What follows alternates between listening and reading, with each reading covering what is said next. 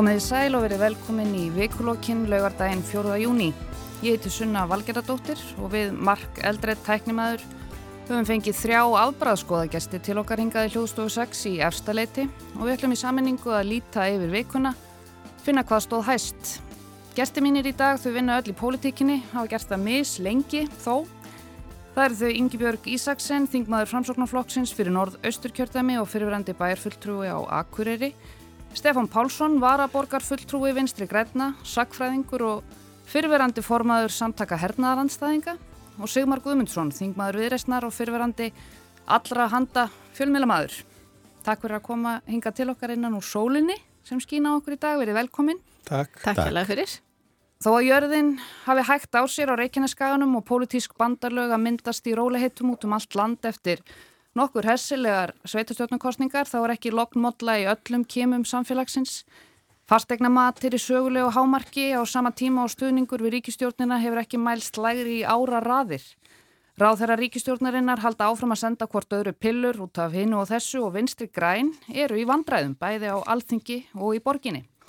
Flokkurinn hefur tapað meira en þriðjungi af fylgisínu frá síðustu kostningum. Það byrja á þér, Stefán, þú ert varaborgarfulltrúi af AFG, þú ert giftur þingkonuflokksins og hefur verið svona viðlóðandi græsótarstarfið nánast frá stopnun, held ég, flokksins. Þú varst í öðru sæti fyrir síðustu kostningar, þú náðir ekki inn en það gekk AFG ekki alveg nógu vel í síðustu sveitastöðun kostningum. Líf Magniðdóttir borgarfulltrúi sem gæti ekki komið hingað í dagverandi út á landi, eins og líklega hálfþjóðin, þó ekki við. Hún gaf það út að hún ætli ekki að taka þátt í meiri hluta viðræðum í borginni væri þess óskanga þá út strax eftir kostningarnar. Mér langar að spyrja þig Stefán, skilur þá ákverðun lífar og ertu sáttur við hana? Já, já, ég minna, hún var sjálfsögðu bara tekin í, í hérna, umræði í okkar hópi. Eh, við vorum ekki að heyra það í, í, í fréttunum. Enda og byggist nú í rauninni bara á því að, að hérna það má nú margt segja um okkur í VFG en við kunnum að tella upp í tólf. Við erum alltaf góðið því. Og, og hérna uh, það þurfti ekkert mikla yfirlegu yfir, yfir hérna bara stöðuna þar sem að við erum með einn fulltrúa af 25 þeir möguleikar sem að, að voru opnir og sem aðrir aðlar voru ekki búinir að, útiloka fyrir það gerði ráð fyrir okkur sem svona öðru varadekki í, í, í hérna styrtum 14 manna meiri hluta uh, við erum að koma út úr uh, því að hafa verið í 8 ár í meiri hlutasamstarfi og tvennar kostningar í röð uh, tapað fylgi. Og það er bara mjög eðlilegt að, að draga bara álektanir af því að, að, að það sé betra fyrir okkur að stíga í minni hluta og, og, og byggja okkur þar upp. Menn það var ekkert sjálfgefið fyrir fjórum árum og það var alveg, alveg umdelt í okkar hópi hvort að við ættum einmitt í ljósi niðurstöðuna þá að uh, halda áfram. Þá var hins vegar staðan hreinlega svo að þar voru bara þar, þar var alltaf nokkur leið að mynda annan meiri hluta heldur en þann sem að starfaði síðustu fjögur ár. Núna eru fleiri möguleikar og það var eiginlega alveg ljóst strax á kostninganótt að, að þessi meiri hluti sem að, að er svona verst varðveitt að lendamálið í, í bænum að, að hann yrði að veruleika hvort sem það er með án viðreysnar. Emitt, talandi um þetta, Ingi Björg, þú hefur töluvera reynsla á sveitusötnumálum, þú varst lengi bæjafulltrú á framsóknarflokksins á Akkurýri, framsókn verður þó ekki í meiri hluta núna, þetta kjörtímabilið, en hvernig Hvernig svona líst þér á stöðuna sem er að teiknast upp hérna í borginni? Uh, framsókn gekk náttúrulega mjög vel mm -hmm. úr, úr engum borgarfulltrúa í marga borgarfulltrúa og eins og Stefán bendir á, þetta var kannski ekki rosalega vel varðleitt lendarmál, þetta meiriluta samstarf og, og margir uh, ný, eða sérst margir borgarfulltrúar eru að tala réttilega eins og þetta sé nýr meiriluti sem þetta er, svona nýr meiriluti út frá miðjunni og það verði, verði breytingar. Eh, við heyrðum í einari þóstinsinni og oddvita hérna í fréttonum núna rétt fyrir þáttinn. Eh, þeir eru að byrja að tala um skiptingu embætta og, og skrifa svona meirhluta sáttmála. Er einar að fara að vera borgarstjóri? Ég veit það ekki. Þau, eins og segir, þau eru ekki ennfarn að ræða neina skiptingu og embættum nema kannski bara svona rétt til að byrja með. Og hún gekk á þetta mjög vel og erum þakklátt fyrir tröstið sem að bæjabúar eru að sína okkur. Borgabúar. Eða borgabúar, já, já, maður svo var nú að tala út frá akkurýri, sko. En það þarf þetta rísundir þessari velgengni og þessari ábyrð og þessu trausti sem er verið að, að beita okkur. En ég held, ég er bara fylgst með þessu fjarlagð. Ég hef ekki verið að potast neitt í þessu, bara eins og allir aðri landsmenn. Þá hef ég fylgst með þessu með, með fréttaflutningi og öðru. Og ég er bara bjassin á þetta gangi vel og, og ég segi, ég held er bara mikilvægt að, að ljúka þessu og fara að vinna fyrir borgina. Saknar þess að vinna í, í sveitistöndamálunum? Hvort er skemmtilegra? Alþingi eða, eða sveitistöndamálunum? Eh, sko, það er stort er spurt. Ég er auðvitað bara að stíga mér fyrstu skref núna í landsmálunum og mér finnst það alveg gríðalega spennandi og það er mikill svona lærdumur að, að fara og sittast inn á þing. Maður kynast öllum þessum verkefnum og verklægi og öllum þessum mannuð sem er inn á alþingi En nú leiði líka sakna maður svolítið nálaðarinnar við bæjarbúa og við verkefnin í tengslu við bæjar, bæjarmálinn því það er ertu oft einmitt nær, þjónustan er nær uh, því, þessast já, fólkinu. Þú finnur meira fyrir breytingunum sem þú ert að, að bóða eða hvað? Já, maður er fjærðim og þau taka lengri tíma og svo leið sko, en eins og í kostningabáratunni þá vorum við svona aðeins á kantinum og það var alveg greiðlega spennandi. Mm -hmm. Já, þau voru náttúrulega svolítið vinnings, vinningsliðinu e, Sigmar, mm. hvernig ef við höldum okkur, förum nú uh, frá sveitusnumálunum og, og niður á Östurvöldin og Alþingi, hvernig sér þú, það er búið að vera alls konar, alls konar vesen í gangi í ríkstjórninni, þetta er búið að vera ansisnúið, sérstaklega fyrir kannski Vafgi eftir, bæði eftir náttúrulega bankarsöluna og svo nú síðast flótamanna hafarið mm -hmm. þú hefur nú látið þig það mál varða. Hvernig ertu að meta stöðuna í dag eins og varðandi samstað ríkistjórnarinnar í tengslum við til dæmis þessi flótamannamál? Já, ég, sko, það hefur verið svolítið áhugavert að fylgjast með, þetta er rétt sem þú ert að segja, við erum að sjá svona bresti í ríkistjórnarsamstarfinu sem við höfum ekkert verið að sjá mikið áður, svona skeitasendingar á milli, já, á milli, milli ráð þeirra og það er bara fyrir opnum tjöldum og það er alveg nýtt og við sjáum það gerast í bankasölunni og Við sjáum það gerast núna í, í flótamannamálunum og núna líka út af uh, afbrasfrumvarfi Lilju um, um endugreislur uh, í, í kvikmyndagerðinni.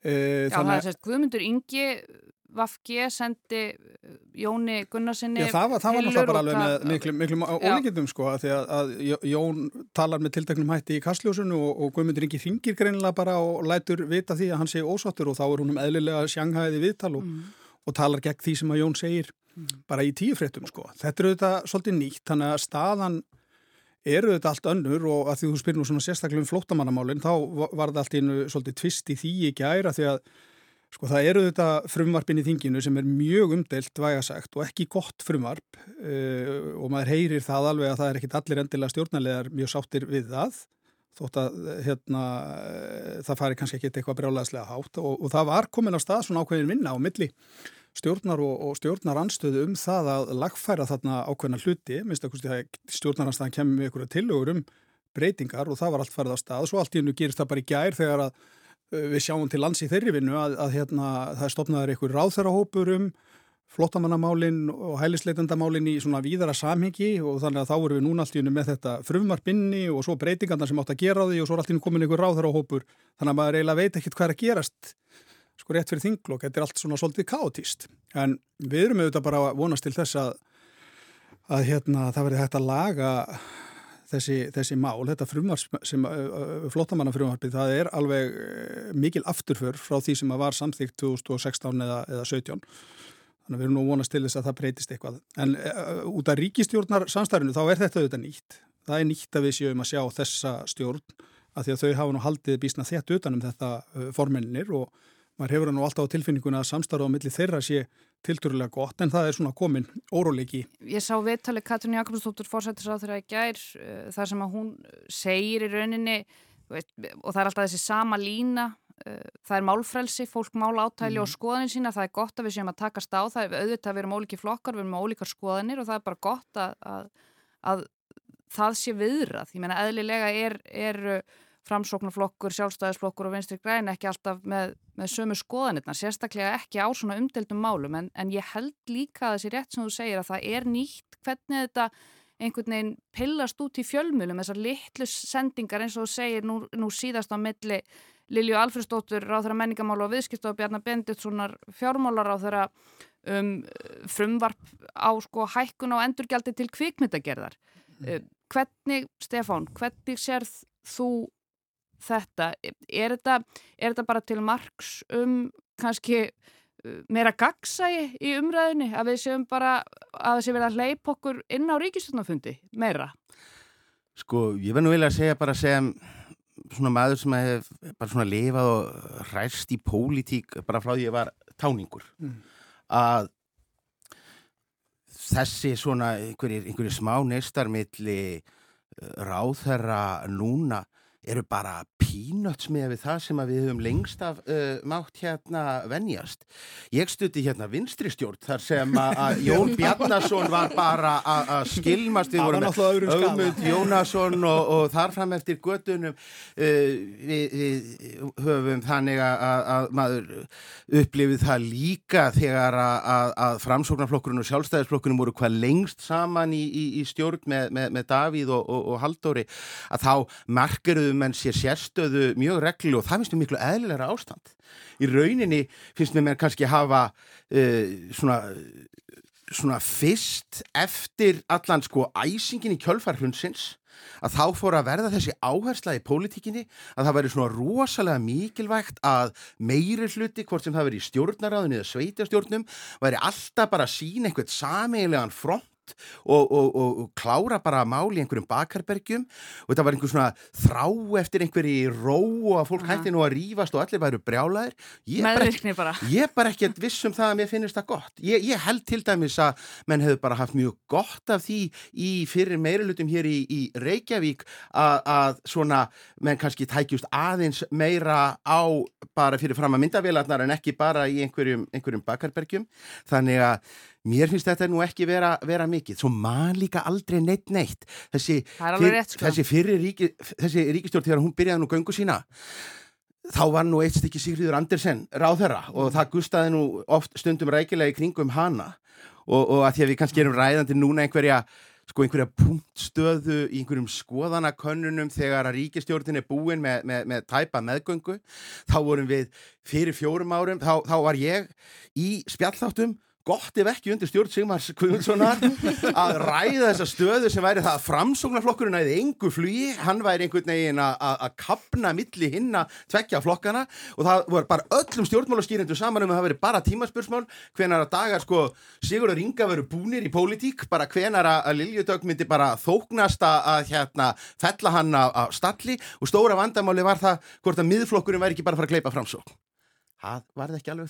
þannig eins og ég segi, það er bara það man ekki neitt neitt. Nei, nei það, það, sko, að hluta til er þetta auðvitað rétt, það má auðvitað alltaf glitta í einhvern ákveðning, það gerist það auðvitað, þú veist, eh, flokkar í stjórn er ekki alltaf sammála frekar heldur en flokkar í stjórnar anstuðu, en með þessa ríkistjórn er þetta samt nýtt og þetta eru mörg mál á mjög skömmum tíma eftir kostningar þar sem að allir voru sammálum að ákallið hefði verið eftir einhverju sterkri ríkistjót sem að, að því að það nú er að vitna í svona sögulega staðrindir sem að var í fullkomlu skjóli í faraldrinum. Og það var ekki tekist á neina pólitík. Og það heldur held ég allir að, að, að eftir kostningarna síðast að ríkistjótin færi nú svona sannfarandi af stað. En það er ekki þannig. Það eru brestir, það er pyrringur ótrúlegu pyrringur á millir á þeirra á flokka. Við sjáum eftir sveitastjónarkostningarnar að sjálfstæðisflokkurinn er mjög hugsi yfir því hvað framsvonarflokkurinn er að fitna mikið í þessu samstarfi og er svona fara að horfa svolítið í kringu sig með það að því að þetta er jú tekið rosalega mikið af sjálfstæðisflokknum. Þannig að ég metta nú bara ofur einfallega þannig að þessi ríkis stendur miklu veikar heldur en að, að, að Stefán er að tekna hérna. Miklu veikar. Já, kannski ég takki aðeins hérna, takki bóltan líka, ég reyndar alveg sammála Stefáni að það kemur ekkert og óvart að það séu ólíka skoðanir innan þessar þryggja flokka. Ég, ég til að bara vera heilbrygt og, og styrkleikamerkja að það sé aðeins tekist á um ólíka skoðanir og, og fundi sér hann lausnir á málum. En svo er það þetta líka þannig, varðandi fylgi flokka og svona, þá er kannski ekki demið tætt að horfa á eina skoðan og hvernig núna rétt í upphafi kjörtímabils og nýbúin að vera í sveitastöndakostingum, búin að vera stór og umdelt mál eins og Sigmar kom inn á hérna á þann. En auðvitað er það líka þannig að stundum er tíðarandin í samfélaginu með þeim hætti að einu flokki gengur betur en öðrum. Svo breytist mm. tíðarandin og fólkið og, og menninni með og þá kannski gengur ykkur með öðrum flokk betur en hinnum. En ég, ég til að sé bara gott að, að við, ó, ólíka skoðinni séu viðræðar. Já, já, að sjálfsögðu, að sjálfsögðu er það það og mér langar kannski aðeins, það rifiðast nú upp fyrir mér hérna þegar Stefán var með þessa eldræðu um gamla daga. Þá... Ég, hvað er það að fá sagfræðingi Ég veit ekki, ég ekki hvað Það vil ég ekki heyra um fortíð. Skil ekki því þessu. Eh, Það er nú ekkit rosalega, við þurfum nú ekkit að horfa neitt rosalega langt áttur í tíman þegar að Akureyri, að þegar bæjarstjórn Akureyrar ákvaða að leggja niður meiri hluta og minni hluta vegna þess að allir voru svo ofsalega einhvern veginn sammála eða hvað. Hvernig af hverju ósköpunum var svo ákverðum tekin og hvernig gekk það? Nú er það ekki þannig, nú er búið að stopna mm -hmm. uh, meiri hluta með, hvað er það, sjálfstæðisflokkur, ellisti og, og miðflokkur mm -hmm. fyrir norðan. Uh, en það var, það var laðu niður þessi, þetta meiri hluta, minni hluta fyrirkomulag. Þetta fór alveg ægir að töðanar minn manni, þau voru að vinna fréttana fyrir norðan. Já, já, það voru skipta skoðanar á þessu, sko, það þetta uh, undanfærin átt ár hefur verið, eða sérst, fyrir átt ár síðan þá var meiri hluti, ellisti samfylking og framsókn og við endur nýðið það samstarfi í, þar sístu kostningum. Uh, hófum það kjörtjumbil og það gekk bara mjög vel. Við áttum mjög góð samvinnu líka við minnulutan, minnulutaflokkana. Síðan kemur COVID með tilherandi uh, ábyrð og ákvarðan að tökja sem þurfti að taka og það þurfti aðeins að endur skoða allskeins verkefni og ákvarðan sem höfðu verið teknar. Og það var bara álit allra bæjafulltrúa að við myndum gera það betur og uh, með meira afgerandi og sterkari hætti að, að gera það saman. Og gekk það vel? Sko, sumt gekk betur en annað. Það, það verður alveg segist eins og er og ef ég tala fyrir mig persónlega þá hendaði fyrra fyrirkomulag mér betur. Meirluti, minnluti? Mér finnst meirluti, minnluti, já. Mér finnst að það hendar mér betur það fyrirkomulag. En svo er það líka þannig að þetta er ekkert Þetta er ekkit einfalt og líðræði tekur tíma og þetta var til þess að það var oft, uh, tók lengri tíma að taka ákvarðanir en uh, á móti kemur þá voru það líka vel ígrundaðar.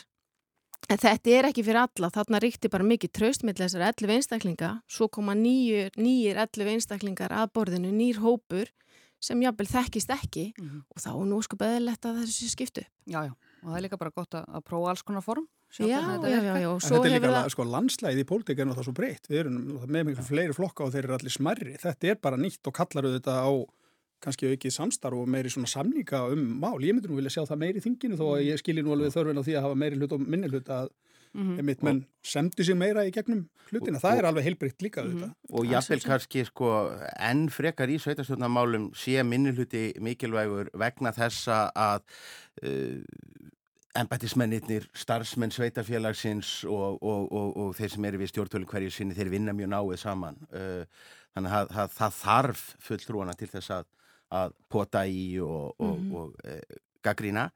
En, en aftur, einmitt, í pólitísku landslægi sem að, ég held að sé ekki að fara að breytast, að við séum bara að fara að búa við 9, 10, 11 flokka bara mm. um all nokkra mm. uh, framtíð, þá verða munum við sjá fjölsamsetta meiri hluta, við munum sjá meiri hluta sem að verða þvert yfir, yfir, yfir, yfir miðjuna og, og, og í allar, allar áttir.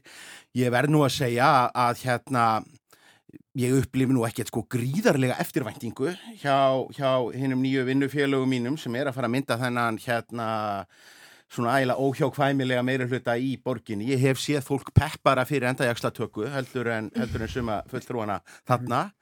Svona minnistætt var þegar að uh, Vilhelmur Þótt Vilhelmsson og Ólafur F. Magnússon mynduðu meira hluta fyrir nokkrum árum og voru afskaplega kátur og hamingjusamir á myndinni. Fyrir nokkrum árum? Já, fyrir svona, já, fá einum árum. Uh, og svo, svo, svo voru svona almennu borgarfullur og sjálfstæðisflokksins ángistar fullir svona eða eins og þrumu skí á, á myndinni fyrir aftan. Uh, þessu sinni þá var haldinn blagamannafundur í, í grósku og það var einhvern veginn allir vansælir og, og svona frekar freka skeftískir en, en, en ég hlýtt nú samt að vilja sem, sem hérna íbúi og, og, og núna sveitisvöldamæður í, í Reykjavík að vona þetta gangi nú ákveðlega hjá þeim og við, við fáum nú einhvern kröftu að meira hluta, það er nóga verkefnu skólamálinn til dæmis. Menn verða nú að passa sig á því að tala ekki bara líka eins og það hafi bara einum flokk verið skipt út fyrir annan, það er auðvitað ekki alveg þannig vegna þess að vægið á milli flokka í þessum meira hluta er allt annað heldur en var, Sa samfélkingin er jafnar í hinum flokkonum mm -hmm. í mhm. þessu framsókn með fjóra fulltrú og pírata með þrjá Þannig að þetta er svona, þetta verður auðvitað öðruvísi. Ég held að þetta verði allt öðruvísi meiri hluti heldur en þessi sem, nýr, sem að var. Þetta er réttilega nýr meiri hluti. Það, það, það, það, það er það sko og hérna, auðvitað er þetta líka bara þannig menn, um, menn fá ykkur úslit í fangið sko, þannig voru að tala um það okkur sögðu þessi þrý flokkar ekki það að þeir ætluð að læsa sér saman eftir kostningar. Menn vissi ekkit hvaða staða kemur upp eftir kostningar. Það er nú kannski svolítið, svolítið málið og, og, og hinn meiri hlutin sem, sem mest hefur verið talað um, það er að segja að að, að, að framsókn og viðreist farið með sjálfstæðisflokki og flokki fólksins það er, uh, sko, það, það er miklu óraunhæfara dæmi bara út af því hvernig sjálfstæðisflokkurinn er samsettur heldur en, en hitt. Ég held að þetta sé langt skynsalaðasta niðurstæðin í borginni. Ef við höldum okkur svona aðeins kannski á sveitastíðinu en, en færum okkur úr pólitíkinni það ráku margir upp stóru og ángistar full auðu þegar að það byrtist nýtt heldarmatt fastegna hækkað um tæp 20% á milli ára og hefur ekki hækkað meira aldrei á einu ári. Og hækkaði mest held ég hveragerði yfir mm -hmm. 30% og kemur fáum vel held ég. Kemur sennilega mjög illa inn í, inn í til dæmis komandi kjærasamninga hvernig hvað er hægt að gera í þessu? Það var einhver sveitafélag að ætla, gefið það út og þau ætla að breyðast við. Hvernig sér þú þetta, Yngibjörg? Já, einmitt, þetta, þetta, þetta voru sláandi fréttir og mér skilst að, að kerfið hafi gefið sig því það voru allir að kíkja á hversu hækkunin var. Já, já, já, einmitt, einmitt. En þetta er auðvitað þannig að það er að aflust einhverju sem geta greitt þetta en alls ekkit allir. Og þú veist, maður veldi alveg fyrir sér hvort að hvort að þú veist að sé ekki sangjant að hækkuna, hvort það sé sangjant að hækkuna á þessu fastegnamæti leiði til hækkunar á, á fastegna skatti, þú veist, þú ert ekki að fá neina aukna þjónustu við þetta, þú gerði sjálfur kannski ekkert til þess að mm. vera þess valdandi að þetta hækki. Oft er að þannig að þegar þú ert að greiða hæra verða þá ertu kannski að fá betri þjónustu sem er ekki þessu tilfelli. Þú veist, maður veldir, veldir alveg fyrir sér leiðum hvernig hægt er að gera þetta, nú er ég ekki með lausnina hér og núna, veist, hér og nú en er hægt að binda þetta eitthvað við fermetraverð eða staðsetningu eða eitthvað svo leys getum við komið okkur saman um hvað, hvað er eðlileg hækkun og hvernig á að hækka, hvað á að miða við. Ég, ég veit ekki alveg en það er alveg augljóst að þetta, þetta er ekki sangjant. Þetta er bara verulega ósangjant mm. eins og þetta er nálgast í dag. Hvað er þú Stefán? Já, eins og ég segi. Hækkaði þín íbúð mikið? Já, já, hérna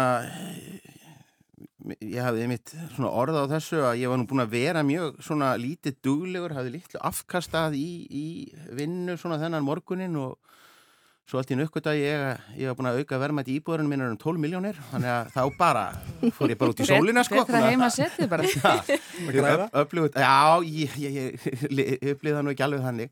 Það er náttúrulega þessi, það er náttúrulega þessi förðulega nálgun að, að, að svona, að það sé verið að líta á sko íbúðina, bara húsið eh, bara þakkið sem að fólk er með yfir, yfir, yfir höfðið sér og það sé bara meðhöndlað eins og þetta sé einhver, einhver fasting, eins og þetta sé bara einhver, einhver, einhver hlutabref að það að, að, að, að ef ég færi í það að selja íbúðina mín á morgunna þá myndi ég innleisa svo svo mikið eh, eh, hagnað, gott og vel en einhverstað þarf ég að búa.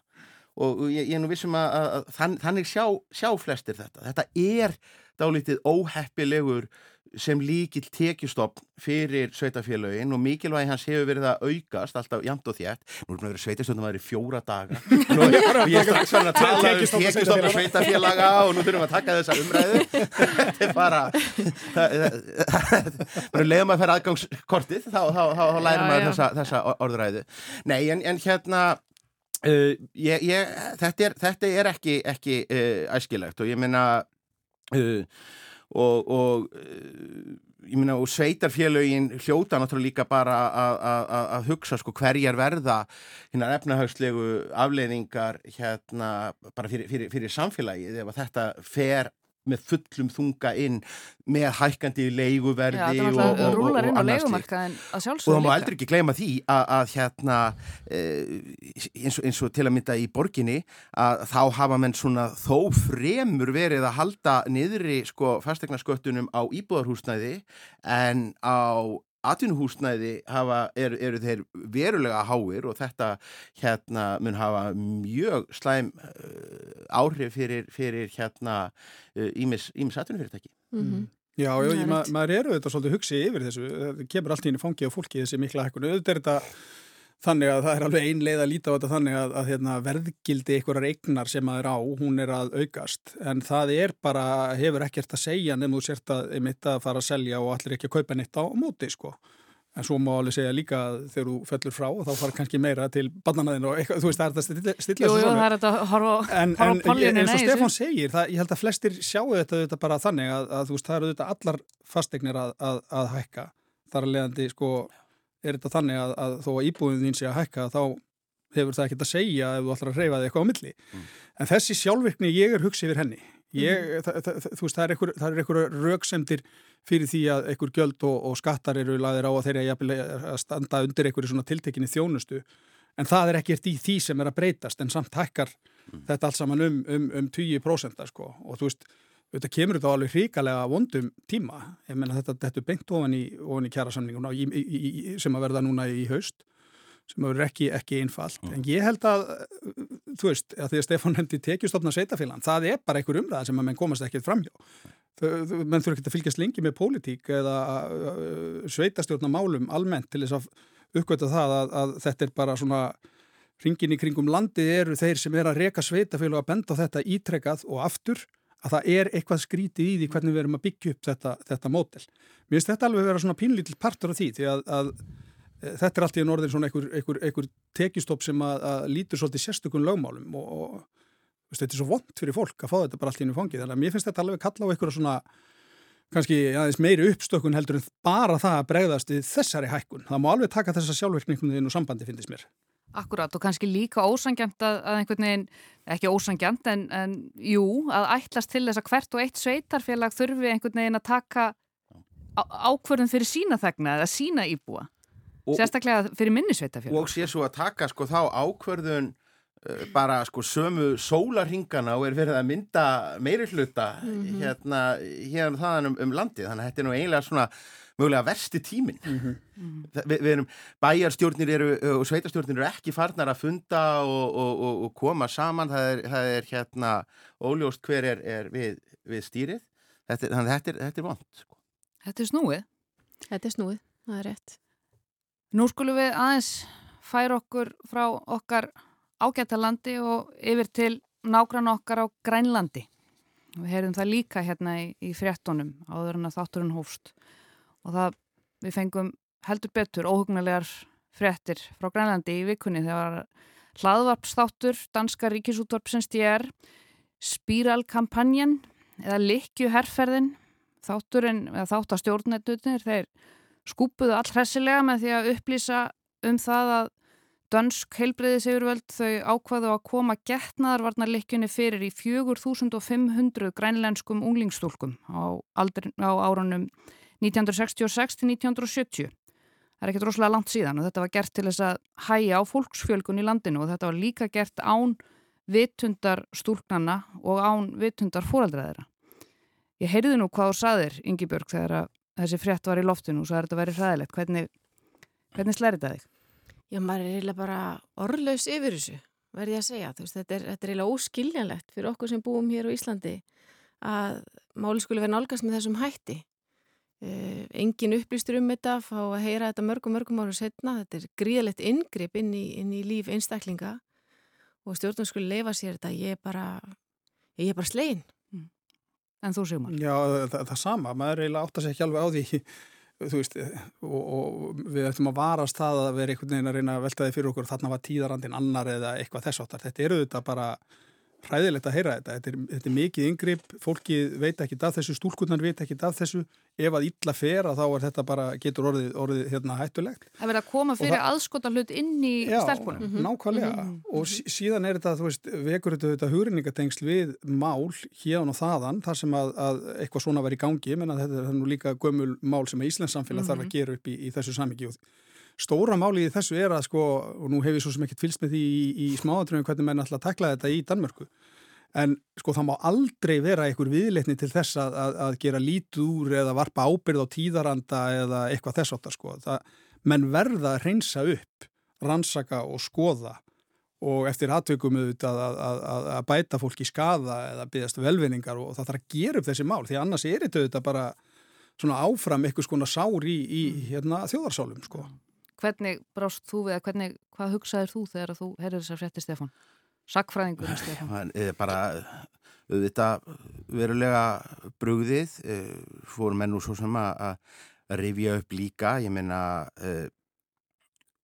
heilbreyðiskerfin tóku sér mjög mikið vald uh, á þessum, þessum árum og, og við hérna heima á, á, eiginlega bara fram til einmitt 1975 sem er þegar að þessu líkur þá voru vorum við hér heima að framkvæma sko ófrjóðsömmis mm. aðgerðir mm -hmm. á, á uh, sinnfærum uh, konum án þeirra uh, vitundar og, og þannig að það, það er líka ímissaga sem að, að við þurfum að, gera upp við en, en hins vegar sko þá er þetta líka partur varðandi af svona ítrekkaðri svona samskiptasögu Dana og grænleitinga mm -hmm. Danir uh, bara uh, ótrúlega lengi lítu svo á að þeim bæri ekki skilda til að upplýsa yfirvöld á Grænlandi um eitt eða neitt. Þetta væru bara einhvern veginn einhver, einhver, einhver, einhver stór börn og þetta, þeir væru bara ekkert færir um það að, að rekka uh, samfélag og þeir fóru bara sínu fram. Þá voru gerðir samningar um, um hernaðar umsvið bandaríkja manna uh, sko uh, bandaríkja hér misti nýður eitt stykki kjartnungusprengju og henni var hérna úrgangi mokað í, í, í burtu og það sá engin ástæðu í danska stjórnkerfin til að upplýsa einn eða neitt um þetta. Og það sem manni finnst líka dátir merkilegt er hvað uh, svona, svona meginströms umræðan í Danmörku er róleg yfir því. Uh, mann svona það finnst mann eiginlega pingulítið sárast að Danir skammir sín ekki meira mm. heldur en, en Rönnberg vitni yfir þessu og hérna þú sé kannski ekki fallet að segja þetta í útvarpi allra eh, landsmanna að þá finnst mér vera svona mjög grund á bara svona verulegum rasisma í dönsku samfélagi gagvart Grænlandi. Þeir líti ekki á þetta sem eitthvað samfélag sem að nái máli. Þeir eru bara mjög uppfullir af því að þetta get ekki fungerað án danskrar aðstóðar og, og, og hérna sjá svona bara litla ástæðu til, til afsökunar benna. Mættu nú kannski horfa þá Nýstu seríun af Borgen, er þið búin að sjá hana? Já, já, ég er nýbúin að horfa hana mm -hmm. Birgitta hefði ekki ágreitt þetta mál svona Nei. Hún hefði stíðið fastar inn í þetta Og, og, og ég held reyndar, og, og það er náttúrulega kannski einmitt líka uh, dæmi um það að, að eins, eins og svo ofta það er kannski einmitt listamennir sem eru að opna umræðuna og íta henni áfram Listamennir og fjölmiðlamennir eins og þarna er danska mhm. ríkisútvarpið að, að upplýsa þetta af hverju þarf af hverju þarf alltaf þetta til? Af hverju þarf alltaf þessa afhjúpun til að, að opna umræðuna eins og til þú veist að afhjúpa svona mál eitthvað svona uh, lígilegt mál, þetta er svona hryllingsmyndamál mm. einhvern veginn. Af hverju er þetta af hverju breytist þetta ekki þannig að stjórnvöld taki frumkvæði? Skammastöðsinn svona mikið, það er bara endalaust verið að vonast til þess að, að hlutnir komist ekki upp. Veit fólk kannski bara almennt ekki af þessu innan stjórnkerfisins? Hvað heldur þú sumar? Já, það er að mista kosti eins og þú veist að benda á og það er rosalega oft þannig að, að, að það þarf fjölmiðla til að, að varpa ljósi á, á þessar mennsendir. Ég held að sé Það er öruglega, ef það er vittneskjum svona inn í, inn í stjórnkerfum þá getur auðvitað kannski verið innbyggt eitthvað svona træðulögumál um það að, að það sé erfitt að fara í þetta, þetta sé gömul mál og einmitt eins og ég nefndi á þann annar tíðarandi erfitt að setja mælist ykkur nútímans á eitthvað sem hafa gamalt og allt þetta. En síðan sjáum við alltaf þegar, þegar fjölmilar takk upp svona mál, ég minna við hefum mörg svona dæmi hérðan úr, úr íslensku samfélagi þó þessu ekki nákvæmlega eins og þetta að, hérna, að þá er það bara þannig að almenningur er bara mjög móttækilegu fyrir því að, að, að taka þetta í fangið og ræða þetta og, og, og blöskrar oft yfir því hvernig, hvernig gengið var fram hérna áður og undirlikjandi er náttúrulega líka alltaf þessi lærdomur að ef við höfum ekki sterkar fjölmila að þá eru mörg af þessum málum sem að ofur einfallega rata ekkert í dagsljósið. Við höfum alveg ótrúlega mörg dæmi um það að, að, hérna, að mál myndi bara liggja eitthvað stær í þagnargildi ef ekki veri öflugir fjölmilar. Þetta hérna, auðvitað vekur þau hugrinningatengs líka en það er í kerfum oft öruglega innbyggt eitthvað skonar tregðulóma leggja því að fólk er vond, heldur kannski líka bara því að þetta er óþægilegt og það getur kannski bara verið einfallega þægilega fyrir þá sem er í kerfinu í dag að þetta verði ekkit að einhverju stóru, stóru máli. Hvað segir þú, Yngibjörg? Hvað veist þér? Já, nú talaði fjölmjölamæðurinn, reyndi maðurinn okkar hérna. Nú tala stjórnmálamæðurinn. Nú tala stjórnmálamæðurinn, sko, jú, ég held að sé alveg rétt að stundum eru mál bara óþægileg og fólk vil ekki fá þau upp og yfirborðið er hrætt hreinlega bara við umræðina. Mm. En svo þetta er líka bara hinn hin hliðin á penningnum að það er líka mikilvægt að læra af reynslunni. Þú veist, það, það er ákvarðan sem hafa verið teknar í gegnum tíðina við sem að taka þeir upp og við sem að ræða, ræða það þessi mál og, og einmitt kannski með öðru viðhorfi og, og öðrum áherslum. Eh, það er að, var mikilvægt að hafa öflug og fjölmila sem, sem að koma og varpa ljósi á þessi mál. Það, það er alveg, alveg þannig. En að móti kemur líka er ábyrg fjölmila manna líka mikil að það sé vanda vel til verka og frétna séu setta fram með góðum hætti. Það er líka ábyrg hluti. Mm -hmm. Það sjálfsögðu. Já, já, þess vegna þurfa að vera sterkir. Mér finnst líka að Stefán kom með mjög góðan punkt hérna á þann að sko ef, ef, ef þetta er ekki gert upp, menn gera það ekki af ykkur þunga, þá þá er þetta áfram ykkur svona flitt í ykkur í samskiptasögu grænlendinga og dana. Þetta er ekki þannig að maður geta afgreitt þetta bara sem eitthvað afmarkað eldramál. Þetta hefur auðvitað bara mjög, hérna, sko, örgulega talsveit miklar afleðingar bara inn í, inn í þá samskiptasögu í dag. Já. Mm -hmm. Það var að koma núna bara einmitt í fréttunum að, að það hefur verið ákveðið að ráð, ráðast í hérna góður ansókn mm. á, á því hvernig þetta kom til. Munið þetta hafa einhver einhver áhrif heldur þau á, á samskipti Grænlands og, og Danmörkur? Stefan? Það, eh, það eru auðvitað, uh, auðvitað ekki gott, a, gott að segja en ég minna um, ég, maður, maður hefur fylst með, með þessari grænlensku pólitíkunni pinguflókin og, og hérna, þetta er svona uh, hún, hún er ekki eins mikið svona augljóslega hægri vinstri eins og, eins og, eins og hjá okkur snýst mikið um, um uh, einstaklinga. Uh, en uh, grænlendingar til að mynda þeir hafa verið að, mjög mikið svona reyna að breyta svona sinni sín sjónarhörn á heiminn. Þannig þeir horfa ekki bara á heiminn gegn kaupmannahöfn. Mm. að það séu ekki til ótrúlega skamstíma þegar ég, ég var í, í háskólanámi e, í, í, í Edinborgum um aldamótin e, þá var þar e, grænlensk stelpa sem að hérna ég kynntist aðeins. Hún var önnur tveggja grænlendinga sem að voru í framhaldsnámi utan Danmörkur mm það var bara eini einhvern negin heim, heiminu snerist um, um, um hérna uh, bara umkaupana höfn uh, svona stór dönsku sínina uh, og það var bara alltaf sjálfstæðismál fyrir þau bara að bæta ennsku kunnáttu að fólk sko læsi önnur blöð fyldist með öðrum fjölmiðlum mm heldur en bara þeim þeim dönsku og, og hérna svona það eh, mér sínist uh, grænlega samfélag að vera á flegi ferði í þá átt. Mm.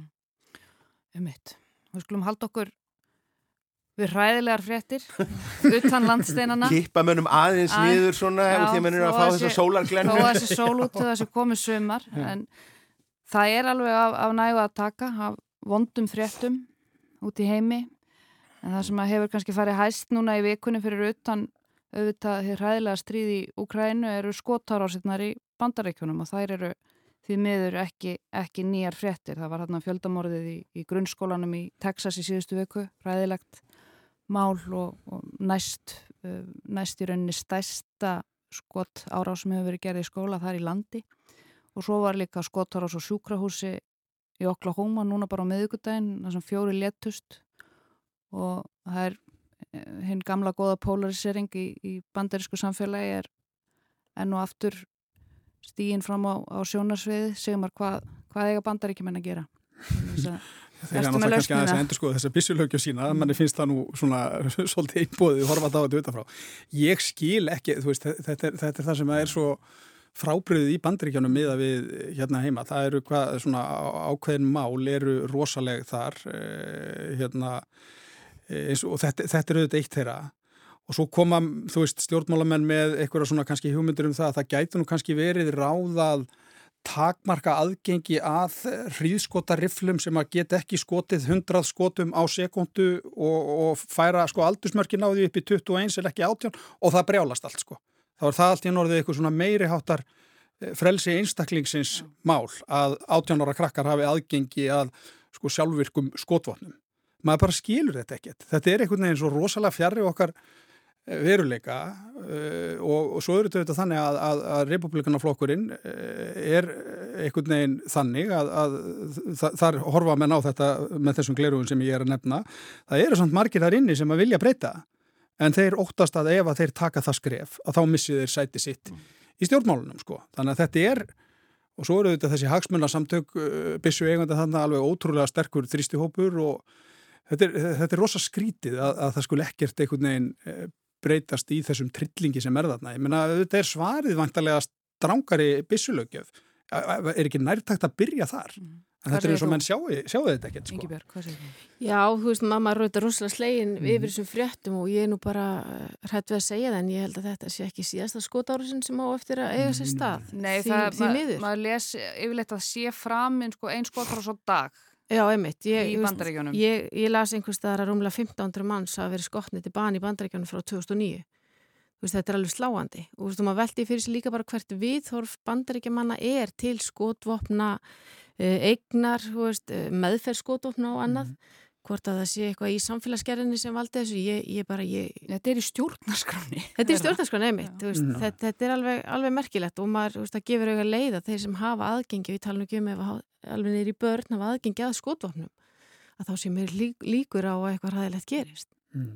Rökin fyrir því að hafa þetta í stjórnarskroni voru nú upphálega þau sko að þarna ættu borgararnir að geta varið sig ef að stjórnvöld væru hérna e, sko aggressív eða væri að breytast í eitthvað sem að borgararnir þyrttu raunverulega að verjast sko. Já, en, en nú eru menn með bissur á móti drónum og allt þetta sko já, og, og hérna, þú veist, valdajafæðið er já, þetta, var, þetta, var, þetta, þetta er þetta bara úr, úreld drög sko. Sa, Samið um, um réttin til eiga framsæðning með bissusting sem að hérna ekki, ekki, ekki alveg það sem að menn eru að vinna með í, í, í dag. Uh, ég líka, líka þetta að var fyrir svo merkilegt sko hvað uh, band, hvað, hvað pólitík sko mál sem að, að svona uh, svona herrtaka pólitíkina í, í bandaríkunum sem að, að maður trúir því ekki að brenni þó þetta mikið á öllum þorra almennings. Þetta, þetta svona virkar meira á mann eins og þetta sé svona kannski sérstakt svona hugðarefni tiltekinn hóps, þú veist, eldri íhaldsamra karlmanna. Ég hefði bara ekki trúað því fyrir fáeinum árum að, að ákvaða stað til dæmis bara þungunar og sumraða í, í, í, í bandaríkjunu er komin í dag og er bara sko óhugnalegt. Já, rétt. Hvar liggur skýringin? Hvers vegna er þetta svona? Í þessu landi, í þessu, þessari nánast þessari hálgerði heimsálfu sem við oft lítum til sem einhvers konar stórbróður eða fyrirmynd eins og við séum einhvern veginn uh, olbúabann á milli bandaríkjana á Skandinavíu. Hvers vegna er þetta svona? Ég neyjist til og ég minn bara sem sko uh, veist, sem, sem, sem sósjálisti sko, þá, þá neyjist ég til að skýra þetta aldrei uh, með bara sko vaksandi ójöfnuði í, í, í bandarísku samfélagi sem að, að hefur sko spíralast upp úr, úr öllu valdi. Ég menna þetta er nú þrátt fyrir allt ríkasta landi heimi og þeir ríkustu eru ógnaríkir og eru, eru, eru, eru farnir að stunda sko geimtúrisma mm. á meðan að, að sko fjöldi þeirra sem að bara lifir á matargjöfum þráttur að vera jafnvel í fullir vinnu hefur, hefur aldrei verið, verið herri. Þetta er samfélag sem að á flestum sviðum á alltaf besta og alltaf vesta. Mm -hmm. Þannig að þetta eru bestu og fullkomnustu spítalar í heimi, flottustu læknarnir, flottustu sérfræðingarnir, en svo þegar kemur að sko ofinberu heilbreyðiskerfi þar á meðal til dæmis skeðheilbreyðiskerfinu sem að hlýtur nú að skýra stóran hluta af þessum hræðilegu fjöldamorðum að þá er það í algjörum ruslflokki. Þannig að ég, ég svona neyjist nú bara eh, til að nota minn gamla margs og, og, og segja að þetta snúist nú bara um, um sko, skiptingu framslutakjana Já, já, Jú, það er sko, svo er bandaríkin, þetta er auðvitað, þetta er svo sl marg slungið samfélagi, menn þetta er ekki, bandaríkin er ekki bara eitthvað, eitthvað eitt sko, þú veist, þetta er svo rosalega misjant, þetta er svæðum hvernig þetta er, þessi rosalega skautun í pólitíkinni þarna, þetta er alltaf bara einhverju svona tveir pólar sem að takast á og öskra á hvernig annan, þeim veitti eh, ekkert að því að, að fá bara nokkar flokkar til viðbútar, taka upp íslenska mótilið, 8-9-10 flokkar, sjáum hvað gerist með það. En auðvitað er eh, hluta þessu, hluta skýringinu er auðvitað örglega þetta sem að Stefan er að nefna, sko, það menn sitja náttúrulega svo langt í frávið sama borð og, og sko tækifærin sem að fólk hefur en samt eru hérna bandarækjumenn einhvern veginn fastir í því að, að þeirra samfélag hljótu nú að vera það besta og, og allt það. En, en ég, ég er nú hrifnar af norranna mótelnu en, en, en þetta maður skilur þetta ekki. Það eru bara pólitísk mál þarna sem herrtaka alla umræðu og búið til rosalega skautur sem við erum ekki að fást við í sama mæli hér. Ég, þetta er auðvitað menningartengt að einhverju, leiti, skilur. Þetta áser einhverja svona dýbri, eldri, sögulega rætur auðvitað líka. Já. Talandi um svona stóru mál í bandaríkjunum sem að verðast taka upp alla umræðu þú nefndir þarna uh, þungunarofs. Umræðuna sem er á mörguleiti mjög óhugnaleg eftir sem maður lítur ákveðin svæði í bandaríkjunum uh, svo er það, það byssulöggjöfun og svo eru það meðirðamálin í Hollywood Ígibjörg, fylgist þú með Johnny Depp og Amber Heard?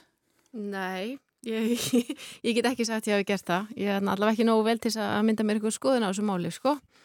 en þetta er vist búið að vera mikið í fréttum og, og þau eru inni kannski það sem að, að vakti svona mína aðtikli í tengslu við þetta mál er sko, það er umhugsuna verðt að kona þarf auðvitað að geta tjáð sig, hún þarf að geta leitað einhver staðar síns réttar og, og geta að skila skömminum einhverjum hætti án þess að eiga yfir þá hættu í rauninni að verða að verði mál úr því, hún þurfi að borga eða skadabætur, þú veist, háar upp að er skadabætur fyrir að tjá sig Já, hún svo að mm. tapaði að sagt, Johnny Depp vann þarna með þeirra mál gegn fyrir hann mm. einkonu sinni Amber Heard og þar sem hún skrifaði grein í, í Washington Post þar sem hún lísti því að hún hefði verið í ofbeldisambandi ánþess þó að, að nafngreina gerandan en það var alveg ljóst hver, hver, hver, um hvern væri að ræða þarna uh, og hún þarf að greiða honum 1,5 miljard tæpan íslenskra króna í, í skadabætur. Vildist þú með þessu semar? Svona einhverju leiti, þetta eru þetta, einmitt, þetta sístemi í bandaríkjónum er náttúrulega,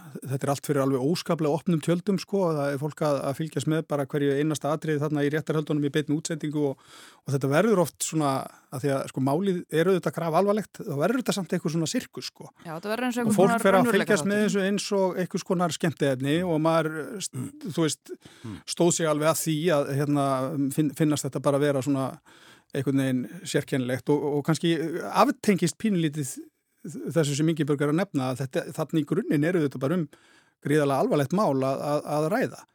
Og ég hérna held að framkvæmdinn hér hjá okkur sé nú þannig að, að e, sko, þólendur, hvers eðli sem málinn eru, að þeir eigi nú alltaf svolítið ríkan rétt til tjáningar, að lýsa upplifun sinni og, og annað anna í þeimtur, þannig að án þess að ég þekki sko, einstaka efnisatriði þessa máls þarna út í, í bandaríkjónum að þá, þá, þá, þá hljótu við alltaf að vilja hafa kerfið þannig að, að, að menn geti stígið fram og, og sagt frá en það kostar mikið greinlega að gera það þarna í bandaríkjunum. Sko þetta máli er náttúrulega það var bara ekkit hægt að fara í gegnum, eh, bara vera fjölumila notandi án þess að, að þetta síjaðist inn, þú veist, það var bara svona eins og að eins og að reyna að fara í gegnum nýjönda áratugin án þess að heyra popla í getur það var bara, þetta er það var bara ekkert í bóði, þannig að allt í einu var maður farin að vita mun meira um þetta mál, þetta er maður kærið sem að vita án þess að maður okkur tíman sko falast eftir því. Mm. og ég sá mjög sláati statistík það sem að vera að sko, skoða lestur á, á, á fréttum og, og, og hérna deilingar og, og viðbröð á, á fréttum á samfélagsmiðlum.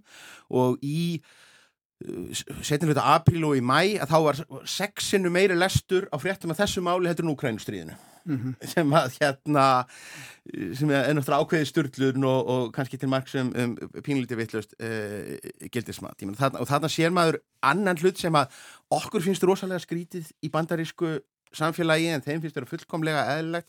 Það er þetta kviðdómskerfi sem að, að við eigum mjög sem, er okkur mjög framandi hérna á, á, á Norðurlöndunum að úrslitt máls ráðist af því hversu sko slingur ræðumadur einhver hérna einhver, einhver hálaunaðu lögfræðingur er í að snúa áliti einhvers tólmanna ólöglæðis hóps. Vi, við, við erum bátt með að skilja þetta þó að, að það er þjóði sem búið við kviðdómskerfi telja þetta sé ein, eina rétta og svo svona furðu byrtingamind eins og að, að þetta er mál sem er ekki höfðað í Kaliforníu þar sem að, að personur og leikandur búa. Mm -hmm. heldur þau svona leitað uppi það ríki í bandaríkunum þar sem að svona vænlegast var að að vinna svona, svona mál?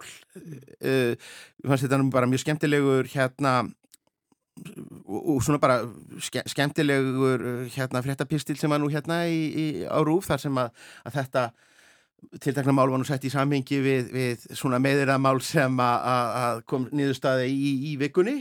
Já, Ingo Veðugvöð gegn Sindra Já, og það, þar til dæmis eins og segja þó að kanns, kannski séum við að fljóta á okkur að tjá okkur mikið um það þar sem það er mál sem að, að væntalega fer einhvað, einhvað áfram. Þar sínist mann í fljótu bræði að hafi bara fallið uh, dómur sem að er sko með tjáningafrelsinu og gæti haft bara verulega mikil áhrif á, á okkar samfélag á næstunni. Já, það verðist líka vera að segja lögsbyggingar að, að dómurinn hafi tekið mið að umræðinni einhvern veginn. Já, mm. það, það, já. það er, já, það fylgir. Nei, allt er góð. Nei, þetta er einmitt sko, hafandi fylst með þessum málum svolítið lengi. Ég, hérna, ég hugsaði nú með mér þegar þetta fór að stað að, að hann hliti nú að, að, að tapa þessu máli, hann, hann sindri, vegna þess að ummælin eru Svona, þau eru mjög beinskýtt og það er engin fyrirvari. Það er bara fullirt um sekt einstaklings og lengi vel var þetta þannig að gerðingin var þarna. Þú kannst látið falla einhverja gildistóma, þú kannst það sagt að einhverju er astni eða bjáni, en um leiðu þú fórst að færa þig yfir það að, að saka viðkomandi sko aftráttalöst um refsiverða hátsemi, að þá var það orðið sko verra. En þarna er það metið sem svo að hann hafi verið í góðri trú vegna umræðinar sem að hefur verið. Þannig að hérna, og svo fór maður að lesa raukstuningin í, í gegnum þetta allt saman og fylgjast með svona viðbröðum lagsbygginga við þessu. Og ég er svolítið sammálað þessum hati Stefáns að að, að sko þeir sérfræðingar sem hafa verið að rýna þetta, þeir segja að, að hérna dómurinn sé mjög vel raukstutur og hann til að mynda tiltekur það sérstaklega að þegar að hann talar um barn og notar það sem skýringu hann hafi bara verið að tala um aldurspili 15 til 18 að þá hafði það ekki verið trúverðugt en hann mátti verið í góðri trú út af því að umræðan hafi verið eins og hann var sko. Mm.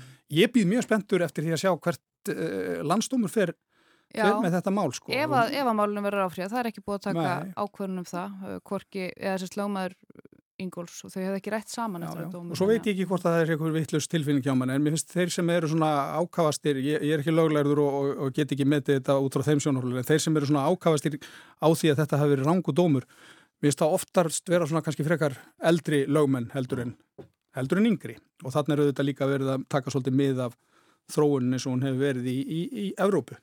Við vorum líka alltaf með meðralögjöf sem að miðaðist við bara formlega fjölmiðla Veist, það sem að Já, þú ert með bara einhvern mentaðan blada, bladamann sem að skrifar og svo fer þetta til einhvers rýtsjórnafulltrúa mm. og svo er þetta bara brotið um og svo er þetta sett á brent og dreift í, í, í öll hús og það var kannski tímabært að það var kannski ekki hægt að nota sömu lögmál þegar hver einasti maður er bara komin með tæki í síman og, og getur postað staðhæfingu sem að þeir á mismikið, mismikið flög og, og, og kannski erum að þýleita að kipa okkur þátt inn í 2001. öldina í, í dómafrænkvæmt með það. Mm -hmm. Þetta er áhugavert, þetta er áhugavert þróun, þróun eins og segir líka í tengslum við uh, samfélagsmiðlana og, og hvað við megum segja þar og, og hvenar og hvernig og í hvað samhengi. Dómafrænkvæmtin er að breytast, greinlega. Greinlega. Hvað ætlaði að gera í sumar, krakkar? Það er komin, það er komin júni, það er sumar er formulega að byrja, við erum komið með með sólar glennu hérna til okkar eftir, eftir skýja hulu vikunar. Ingi Björg, hvað ætlar að gera? Já, tími flýgur, Vi, við erum nú hérna í þinginu að reyna að ganga frá þinglokasamningum. Hvenar er eld, eldurstafurinn? Eldurstafurinn á miðgutæðin í, í næstu viku. En við munum sko sanga stansa áallin þá átti þingin að ljúka núna næskumandi 50 dag. En það mun eitthvað lengist í því líkt og, líkt og ofta áður. En við erum svona að skipilegja við fjölskyldan erum að skipilegja ferðum Evrópu. Við ætlum að fljúa til munn henn og, og keirum Evrópu. Ætlaði að fljúa með Nice Air, nýjasta flugfélaginu?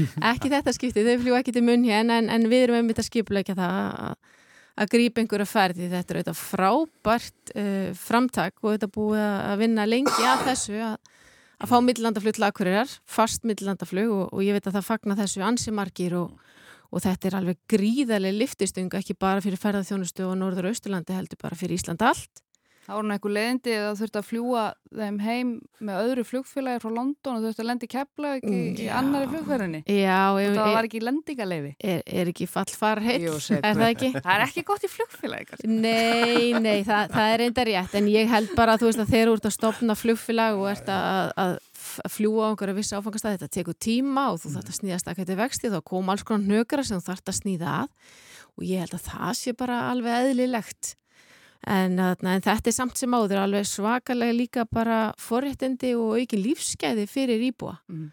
að geta stíðið upp í flugvel e, nála teimabygð Rétt. og tveimur og hálf tíma komin ykkur til Evrópu, þetta, þetta er alveg frábært Sigmar, Já. hvað er að gera í sumar? Herðu, við, fjölskyttan eru nú, við notuðum COVID-i svolítið vel til ferðalaga á sumrin sko, þannig að við erum ekki einn af þeim fjölskyldum sem svona, hefur verið að býða svolítið eftir því að, að, að geta ferðast að því að við nýttum alveg síðasta sumar og þar síðasta sumar til þess að fara út og þessin ákvaðu eiginlega bara við ætlum að vera heima í sumar. Við, það eru ótrúlega langt síðan maður tók sumari bara í það að ferðast um Ísland og það er eh, hérna línan sem hefur verið tekin á, á mínu heimili. Við ætlum bara að elda sólina og fara í einhverja tjaldutulefur og, og hérna, þú veist, finna einhverja skemmtilega staði og ferðast mikið um Ísland. Hlýða við þig og ferðast innanlands? Já, við erum, við erum svona, við erum ára eftir í því. Hvað ætla Stefán að gera? Ég ætla lagi að horfa alveg rosalega mikið fótbolta Mm. og hérna bæði sko strákana og stelpurnar í, í framma á nýja og rosalega flotta hérna vellinum okkar sem að, er bara verið tekin í, í nótkun bara síðar í þessum, þessum mánuði og er bara sá flottast á landinu. Þar fyrir utan er afar lítið planað. Við vitum alla hvað við ætlum að gera alla kvítasunnuhelgina nema það að í dag ætlum við að eða ferðagjöfinni. Ah, ég, hérna, ég, já, það er ekki alltaf fyrstur en, en hérna svona á loka degi Parkara ferðagjafar grímunni er það ekki? Já, loka degi ferðagjafarinnar þá, þá, þá, þá, þá svissaði ég henni út fyrir einhvað hérna innegna kort á einhverjum stað hérna niður í, í, í bæ og það er svona enn sem komið er stóra planið fyrir sumarið. Séður, velgert. Við látum þessu lokið í dag, Stefán, Ingebjörg og Sigmar. Takk kærlega fyrir komuna í vikulokkin. Og við verðum hér að vikuliðinni næst komandi lögadag og ráseitt sem og aðra lögadaga. Takk fyrir að leggja við hlustir, verðið sæl.